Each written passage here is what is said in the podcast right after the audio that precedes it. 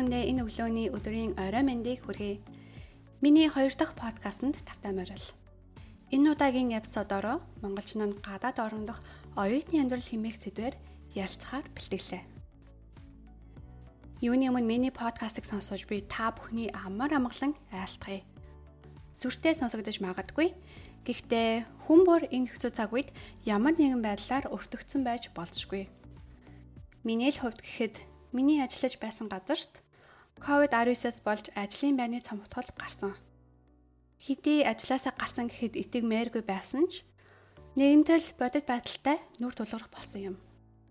Азар би нэгэн ашигын бус байгууллагатай чанад сайн холбоотой байсан учраас тэр байгууллагатайгаа үргэлжлүүлэн ажиллах боломжийг олж авсан юм. Их мэтчлэн энэ тахалт өвчнөөс болж амьдралд нь ямар нэгэн өөрчлөлт үр дагавар гарсан хүмүүст баг ч гэсэн сэтгэлийн дэм өгөхийн тулд амар мэндийг тань асууж мэдчилж байна. Ингээд гол сэдвүүрийн оролцъё. Та бүхэн таалан саяхан уу?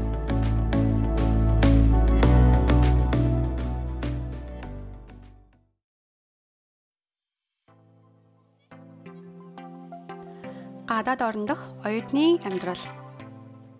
Би уг нь хоёр дахь эпизодынхаа агуулгыг аялал хэмээх сэдвээр ярилцахаар бэлтгэж эхлэх гэж байсан. Гэвч түүнээс өмнө би Японд сурч ажилладаг үеэлдүүтэйгээ уцаар ирж байхдаа оюутны амьдралын тухай бодол толгойд минь эргэлдэж эхлэв.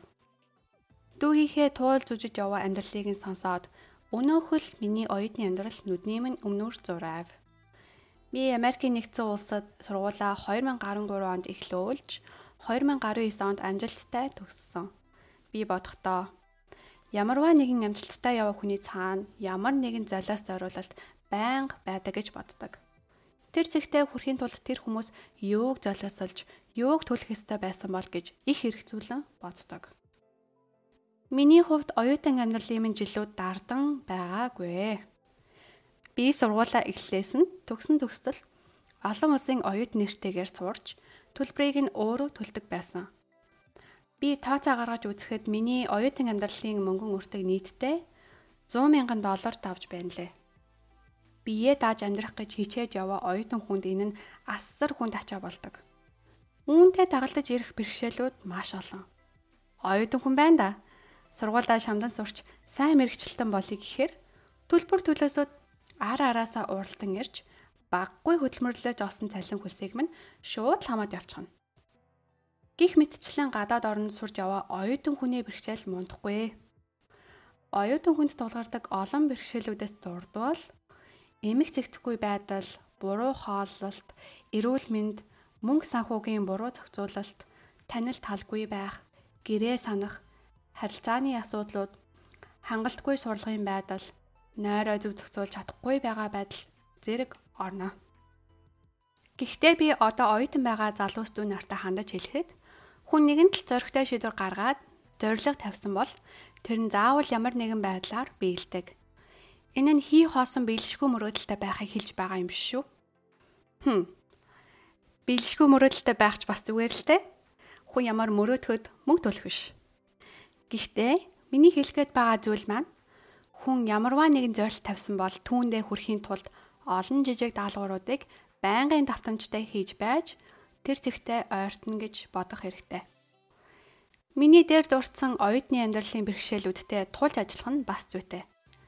Эмх цэгтэхгүй байгаа бол юмыг багаас нь эмхэл цэгцэлж эмхтэй байлгаж сурах хэрэгтэй. Хооллолтон дээр анхаарч эрүүл зөв хоол хүнсийг сонгох нь зөв. Аль болох ургамлын гаралтай хоол хүнсийг түлхүү хэрэглэж, лаазалж, савлаж, бэлтгэж тавьсан бэлэн хоолноос аль болох татгалзах нь эрүүл мэндэд сайн мөн түнчлэн мөнгө санхүүдээрээ тооцоотой байх хэрэгтэй шүү. Сарын олсон орлогынхоо нийт дүнг бүх зардлуудаа цохох хэмжээгээр нь хуваагаад төсөв үүсгвэл маш сайн. Жишээ нь хоол хүнсэнд ийм хэмжээний мөнгө зарцуулна гэд тооцоолчихвол хэрэгтэй. Бас хамгийн чухал зүйл бол танил тал. Энэ жур нь хамгийн чухал чухал зүйл байж магадгүй шүү. Та хэнийг таньдаг, хинтэй найзууд байхаас их юм шалтгаална. Тэглээгээд хаана л амжилттай сайн явах хүн рүү шуурч долгонох гэсэн үг биш шүү. Хамгийн гол нь найрсаг ээлдэг харьцаатай байх нь хамгийн чухал. Энэ нь хүний амьдралд маш олон сайн сайхан үе талхыг нээж өгдөг. Гэх мэтчлэн өөрийн зүгээс хичээж хөдөлмөрлөж сайжруулах зүйлс оюутан хүмүүст маш их бий. Муу зуршлуудаас аль болох татгалзах хэрэгтэй. Хамгийн сүүлд оюутан дүү нартаа захиж хэлэхэд ямар нэгэн зүйл дээр гацсан байдалтай байгаа тусламж хэрэгтэй байгаа бол бусдаас тусламж асуугаасаа бүү имээгээрэй. Энэ хороо дэлхий дээр сайн хүмүүс бодож байгаагаас ч илүү их байдаг юм шүү. Ингээд та нартаа амжилт хүсье. Хичээгээрэй.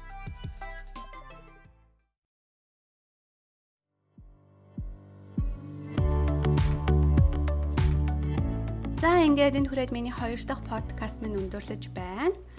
Энэ хүртэл шимтэрхэн сонссон та бүхэндээ баярлалаа. Подкастын минь сайжруулах тал дээр санаа оноо байвал би нээлттэй хүлээж авах болно гэдгээ хэлье. Ингээд дараа дараагийн эпизодоор уулзцаая. Та бүхэндээ маш их баярлалаа. Баяртай.